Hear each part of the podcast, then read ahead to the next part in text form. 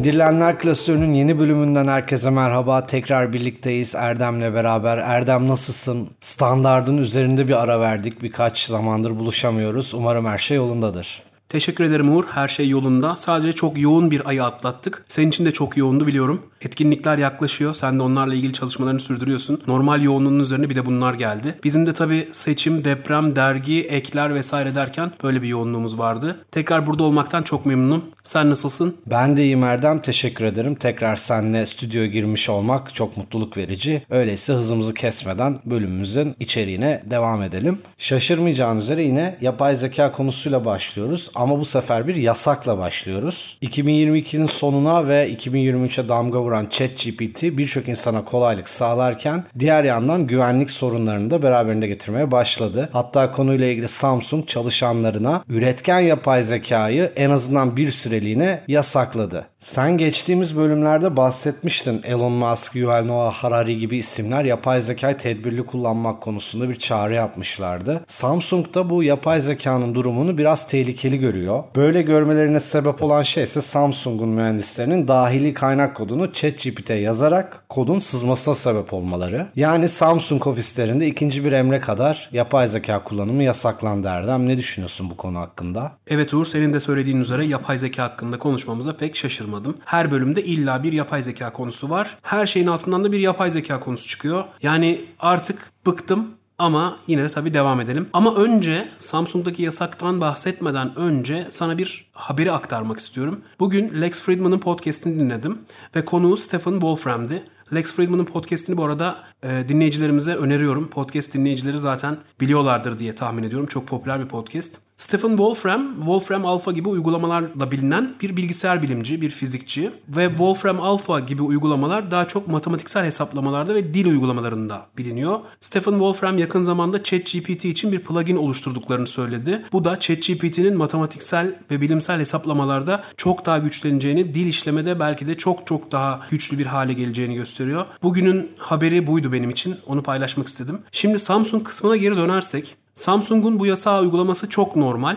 Çünkü 3 mühendisin kaynak kodlarını ChatGPT'ye yanlışlıkla sızdırdıkları ya da senin dediğin gibi yükledikleri düşünülüyor.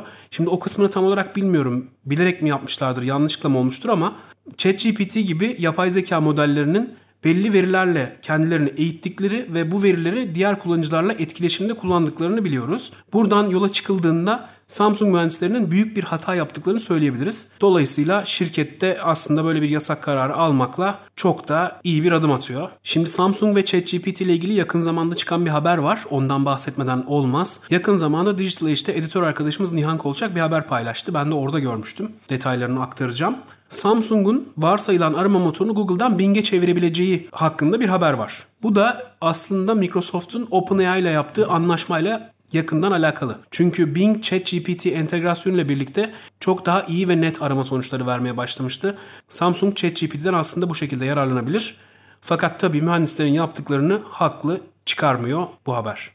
Evet Erdem, Bing'in trafiğini, web trafiğini nasıl arttırdığını seninle önceki bölümlerde konuşmuştuk. Bu işbirlikleri ve optimizasyonlarla Bing'in adını daha da sık duyacağız gibime geliyor. Aynı şekilde yapay zekanın da. Bu bölümde seninle konuşmak istediğimiz Wired'ın bir videosu var. 20 farklı meslek grubunu, 20 farklı meslek erbabını bir araya getirerek yapay zeka mesleğinizi elinizden alabilir mi temalı bir video çektiler. Ve biz seninle bu videoyu izledik. Doktor, psikolog, metin yazarı ve hatta personal trainer yani kişisel antrenör gibi meslekleri bir araya getirerek yapay zeka ile konuşmalarını, çeşitli yapay zeka modellerine komutlar vererek onların işini en az onlar kadar iyi yapıp yapmadıklarını gösteren bir videoydu. Video hakkında ne düşünüyorsun? Yorumların neler olur? Yani videoda gördüğümüz şey 20 farklı meslekten insanın yapay zekanın mesleklerini onlar kadar iyi icra edemeyeceğini söylemeleri. Hep olumsuz yorumlar var. Bunun da aslında sebebini anlamak çok kolay. İnsanlar işlerini yapay zekaya kaptırmak istemiyorlar. Bu hepimizin yaşayabileceği bir korku. Ama ne kadar objektif oldukları konusunda benim bazı şüphelerim var. Çünkü bu korkuyla belki yorum yapıyorlardır ama bir taraftan da o yapay zeka modeliyle bir iletişime geçip onun ne kadar becerikli olduğunu da görmek gerekiyor. Yani direkt olarak bir soruyla kestirip atmanın hiçbir anlamı yok. Çünkü yapay zeka biz de burada podcast'te aslında belli bir süreci ele aldık. Yapay zeka çok hızlı gelişiyor ve yarın ne olacağını bilmiyoruz. Erdem kesinlikle katılıyorum bazı konularda. Şöyle ki videoda fark ediliyor. Yapay zekanın yaptığından etkileniyorlar ama yine de sonuç cümlesi yapay zeka benim mesleğimi yapamaz oluyor. Ben kendi çalıştığım alana yakın olduğu için videodaki influencer'dan bir örnek vermek istiyorum. Videoda yer alan bir influencer ChatGPT'ye post açıklaması yani caption yazdırıyor ve bir heykelin önünde yer aldığı fotoğrafını ChatGPT'ye veriyor. Akabinde yazılan caption'da 3 paragraflık caption'da birkaç emoji olmasına rağmen influencer bunu ya çok emoji koydu. Ben böyle yazmıyorum. Ben böyle paylaşımlar yaparsam takipçilerim paylaşımı yapan kişinin ben olmadığımı anlar gibi yorumları oluyor. Benzer şekilde metin yazarı kişi de bir reklam metni yazdırıyor. Fikirleri aslında beğeniyor ama olmamış. Sadece ben bu yapay zekayla beyin fırtınası yapabilirim gibi bir açıklamada bulunuyor. Ben burada sana katılıyorum. Hani çok duygusal davrandıklarını düşünüyorum. Ve senle de konuştuğumuz üzere bu videodaki meslek sahibi kişilerin background'unu ve kim olduklarını aslında tam olarak bilmiyoruz. Belki yapay zeka onlar kadar iyi değil onlardan daha iyi yaptı. Bunu çözümlemek en azından şimdilik o videodan yola çıkarak çözümlemek mümkün değil gibi. Yani insanların devri kapanır mı? Yapay zeka herkesin mesleğini elinden alır mı? Bunu bir süre daha bekleyerek yorumlayabiliriz gibime geliyor. O sürenin ne kadar olduğunu da açıkçası bilmiyorum. Bu tamamen yapay zeka modellerinin öğrenme hızına bağlı olarak değişecektir. Şimdi sen influencer'dan bahsetmişken ben de yapay zekanın farklı bir kullanımına değinmek istiyorum. Yakın zamanda karşılaştığım farklı bir kullanım. YouTube dünyasını takip edenler Casey Neistat ismini biliyorlardır. Casey Neistat önemli bir içerik üreticisi. Özellikle de YouTube için ürettiği vloglarla biliniyor. Özellikle de buna değinmem lazım. 800 gün her gün yüksek kalite vloglar üreterek farklı içeriklerle kendi tarzıyla öne çıkan bir isim. Casey Neistat yakın zamanda yapay zekadan kendi tarzında bir vlog üretmesini istedi. Ve yapay zeka çok muhtemeldir ki Casey Neistat'in New York'ta yaşadığı, orada kaykayla sağa sola gittiği gibi bilgilerden yola çıkarak çok basit bir vlog senaryosu yazdı. Casey Neistat de aldı bu senaryoyu ve tamamen o senaryoya uygun bir şekilde bir videoya çevirdi. Videoyu paylaştı ve ardından da yorumunu paylaştı. Yorumunda yapay zekanın yazdığı senaryonun aslında hiç kendisinin yaptığı işe benzemediğini söyledi. Ve tabii bu konuyla ilgili çok büyük tepkiler aldı. Özellikle de yapay zeka tutkunları tarafından. Yapay zeka tutkunları Casey'e sen yapay zekayı eğitmedin ki senin tarzında bir içerik üretsin şeklinde çıkıştılar. Casey de zaten yapay zekanın kendisini algılayamadığını halbuki çok fazla içerikle yapay zekanın kendi kendine bunu öğrenebileceğini söyledi. Yani aslında öğrenme hızı çok önemli ama öğrenme hızının dışında sanıyorum sen bu konuda daha fazla şey söyleyebilirsin. Yapay zekayı eğitmek bir prompt engineering tarafı da var. Kesinlikle Erdem daha bugün Hatta az önce yemek yerken ekşi sözlükte okuduğum bir gönderiden bahsedeyim. Yurt dışında çalışan bir dijital pazarlama uzmanı ciddi bir tez ödevi yaptırıyor ChatGPT'ye ama bunu yaparken 15 gün uğraştığını söylüyor. Yani son derece soru sormuş, çok farklı makaleler okutmuş, öğretmiş ama 15 günün sonunda sabahladım ama 15 gün boyunca başardım diyor. Burada da biraz üstüne düşmek ve senin dediğin gibi prompt engineering yani iletim mühendisliği tarafına değinmek gerekir diye düşünüyorum. Çünkü gerçekten çok farklı komutlar var. ChatGPT üzerinde konuşuyorum. ChatGPT'ye birçok şey öğretebileceğiniz, onun size olan davranışını değiştirebileceğiniz çok fazla komut var. Yani insanlar kod yazdırır hale geldi. App kodlarının temasını alabilir hale geldi. Öğrendikçe gelişecek. Geliştikçe de yine bence öğrenmeye devam edecek bu arada. Çünkü insan beynini düşündüğümde on binlerce yıllık bir evrim. Fakat yapay zeka modelleriyle konuşmaya birkaç aydır başlıyoruz toplum olarak. Bakalım. Yani burada birazcık algoritmik düşünmeye eğilmek gerekir diye düşünüyorum. Çünkü algoritmik düşünmediğimiz zaman yapay zekayı da eğitmemiz pek mümkün değil.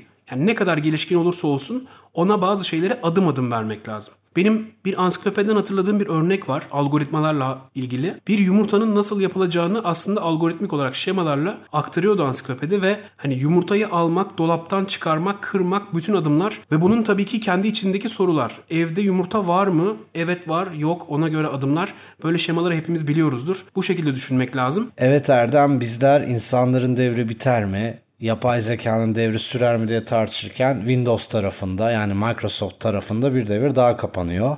Geçtiğimiz yıl Internet Explorer'ı emekli eden Microsoft, şimdi de Windows 10'u maksimum 2 yıl içinde emekli edeceğini açıkladı. Çünkü Windows 10 yapılan planlamalara göre 2 yıl içinde işletim sistemi güncellemesi almayı kesecek. Hatta ufak ufak Windows 11'e geçin uyarıları da yapılmaya başladı Microsoft tarafından. Bu konuda ne düşünüyorsun Erdem? Senin de bir Windows kullanıcısı olduğunu biliyorum.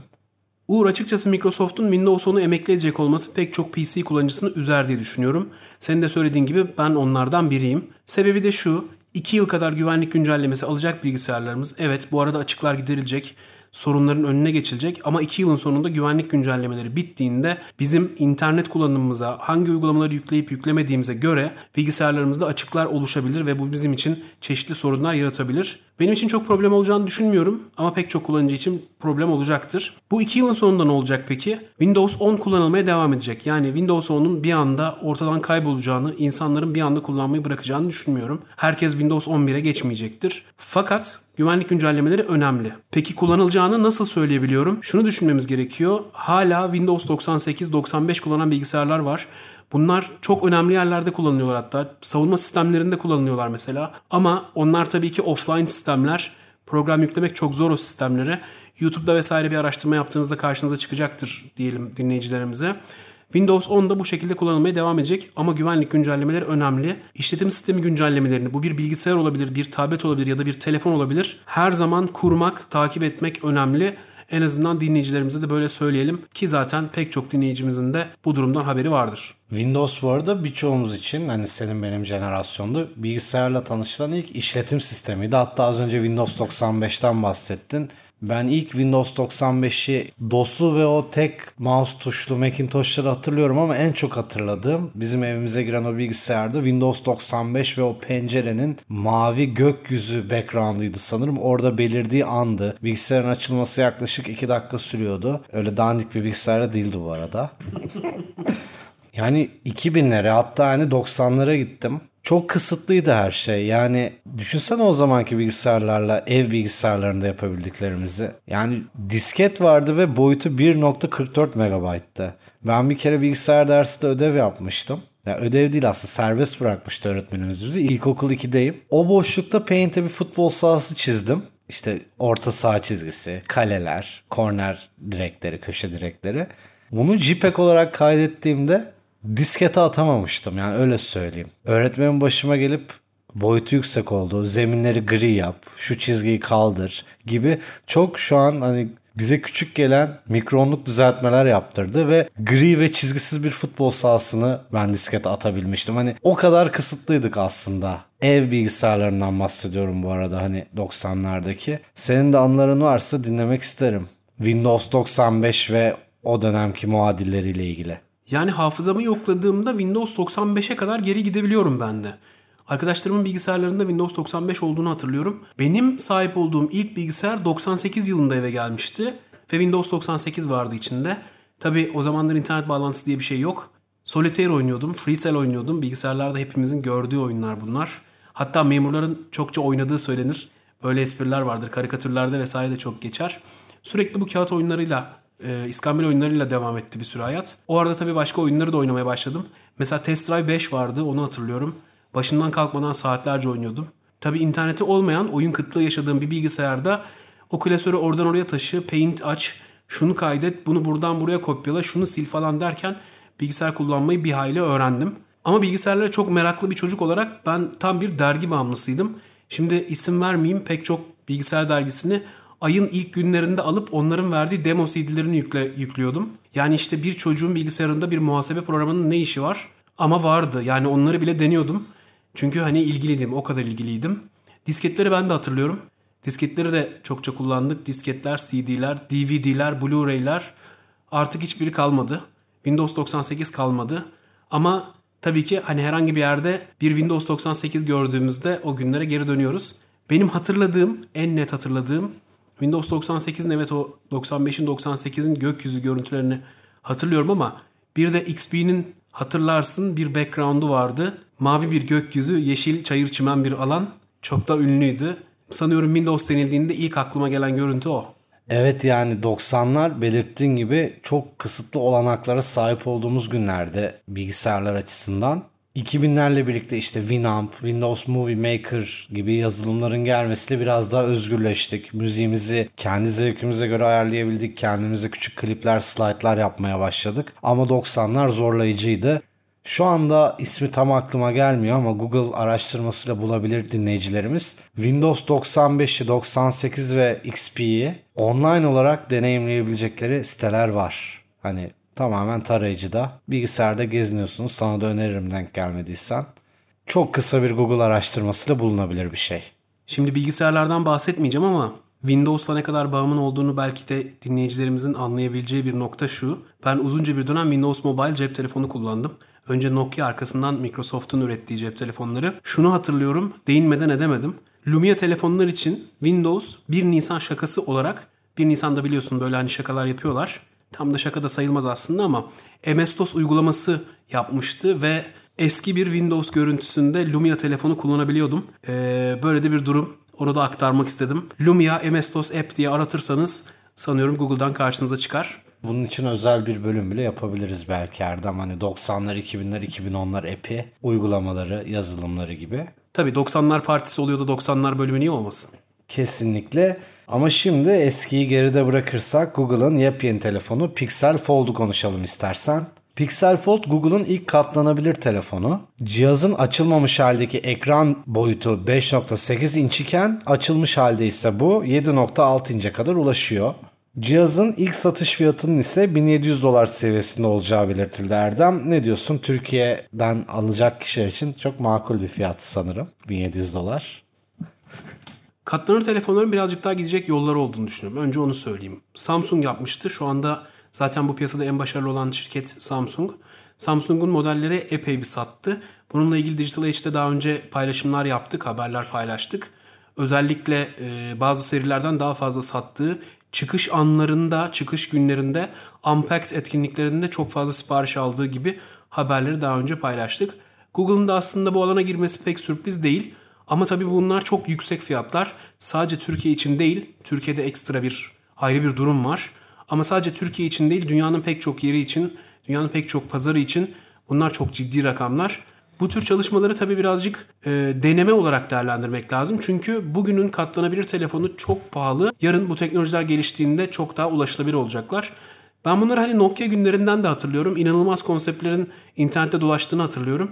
Tabii hani çok geriden geliyor katlanabilir telefon. En azından kullanıcı tarafında çok geriden geliyor ama yani bizim için en azından şimdilik çok uzak bu telefonları kullanmak. Erdem cihazlar öyle katlanıyor böyle bükülüyor da biz ne olacağız abi? Senle bunu aramızda çok konuşuyoruz. Sürekli insanların masa başı çalışanların bel boyun ağrıları çekmeleri. Senin çok şikayetçi olduğun bazı uygulamaların isim vermeyeyim. Ya hepimiz biliyoruz zaten. Ayağımıza kadar siparişimizi getirmesi. Ve Instagram mesela çok vakit geçirenlerin aslında o başkalarının hikayelerini gördükçe mutsuz oluşları. Yani bu insan fiziği, insan psikolojisi nereye gidiyor? Bunu bunu tartışmamız lazım bir bölümde de. Biliyorsun insan vücudu bulunduğu konuma uyum sağlayan, adapte olan bir yapıya sahip. Bulunduğu şartlara göre kendince gelişen ve biz çok ciddi vakitler harcıyoruz. Akıllı cihazlarda, bilgisayarlarımızda ve bu az önce bahsettiğim uygulamalarda. Yani gidişimiz Fizyolojik olarak gittiğimiz yön çok parlak gözükmüyor. Bilmiyorum bu konudaki görüşlerin nelerdir programı kapatmaya yaklaşırken.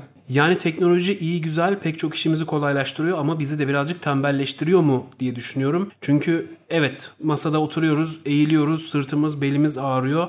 Tamam bunlar var. Bunlar sürekli çalışmamızdan dolayı ama sürekli teslimat, sürekli her şey elimize geldiği bir dünyadayız. Aklıma şu geliyor belki olmayacak bir şey, belki çok distopik gelecek dinleyicilerimize. Yani zaten ben de bunun pek gerçekleşeceğini düşünmüyorum ama en uç nokta olarak belki söylemek lazım. Wall-E filmindeki, Wall-E'deki insanları gözünün önüne getirmeni istiyorum. Hepsi aşırı derecede kilolu çünkü hareketsizlik var. Aşırı derecede kilolu ve çeşitli kumandalarla her istediklerini kendi ayaklarına kadar getirtebilen insanlar. Orada da zaten robotlar çalışıyor. Temizliği robotlar yapıyor, yemekleri robotlar yapıyor, servisi robotlar, her şeyi robotlar yapıyor. Zaten Wall-E'nin görevini de hatırlarsak her tarafı çöp dolu bir dünyada temizlik yapan bir robot. Öyle bir dünyaya doğru mu gidiyoruz?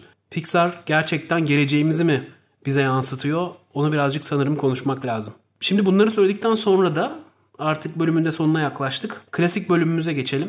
Haftanın uygulaması Evet Erdem haftanın uygulaması bölümünde Todoist var. Todoist uygulaması plan program yapmada, gerek günlük gerek mesleki alandaki işlerini organize etmekte zorlanan insanlar için etkili bir uygulama. Uygulamada kendi amaçlarınızı ve görevlerinizi önem derecesine göre sıralayıp bunu günlere, aylara ve yıllara bölebiliyorsunuz. Uygulamada tabii ki birçok uygulama gibi push notification'larla size yapmanız gereken görevleri, ne durumda olduğunuzu hatırlatıyor. İtiraf etmek gerekirse uygulamanın arayüzü bana cep telefonu ekranları için biraz küçük geldi. Yani küçükten kastım biraz daha açayım. Tablet gibi daha geniş ekranlarda daha kullanılabilir gibi geliyor. Hani bunun diğer örnekleri Trello var mesela PC'de daha çok kullanılır ama Todoist'in de böyle bir görev tamamlama, yapılması gereken işlerinizi nihayete erdirme konularında kullanıcılara destek olabileceğini düşünüyorum ben şahsen. Özellikle de birçok işi aynı anda yürütmek durumunda olan bir bireyseniz, aynı anda birçok iş, multitasking dedikleri çoklu iş yapma olayını yaşıyorsanız uygulamadan bu şekilde bahsedebiliriz.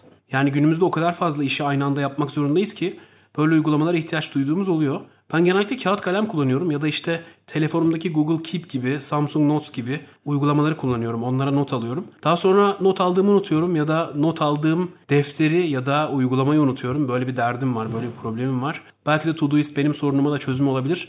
Sen anlattıktan sonra birazcık bunları düşündüm. Onları paylaşmak istedim. Teşekkürler Erdem. İndirilenler klasöründe 10. bölümün sonuna geldik. Artık bölümlerimiz çift haneli sayılara ulaştı. Ağzına sağlık. Dinleyicilerimize buradan hoşça kal diyorum. Bir sonraki bölümde görüşmek üzere. Hoşçakalın.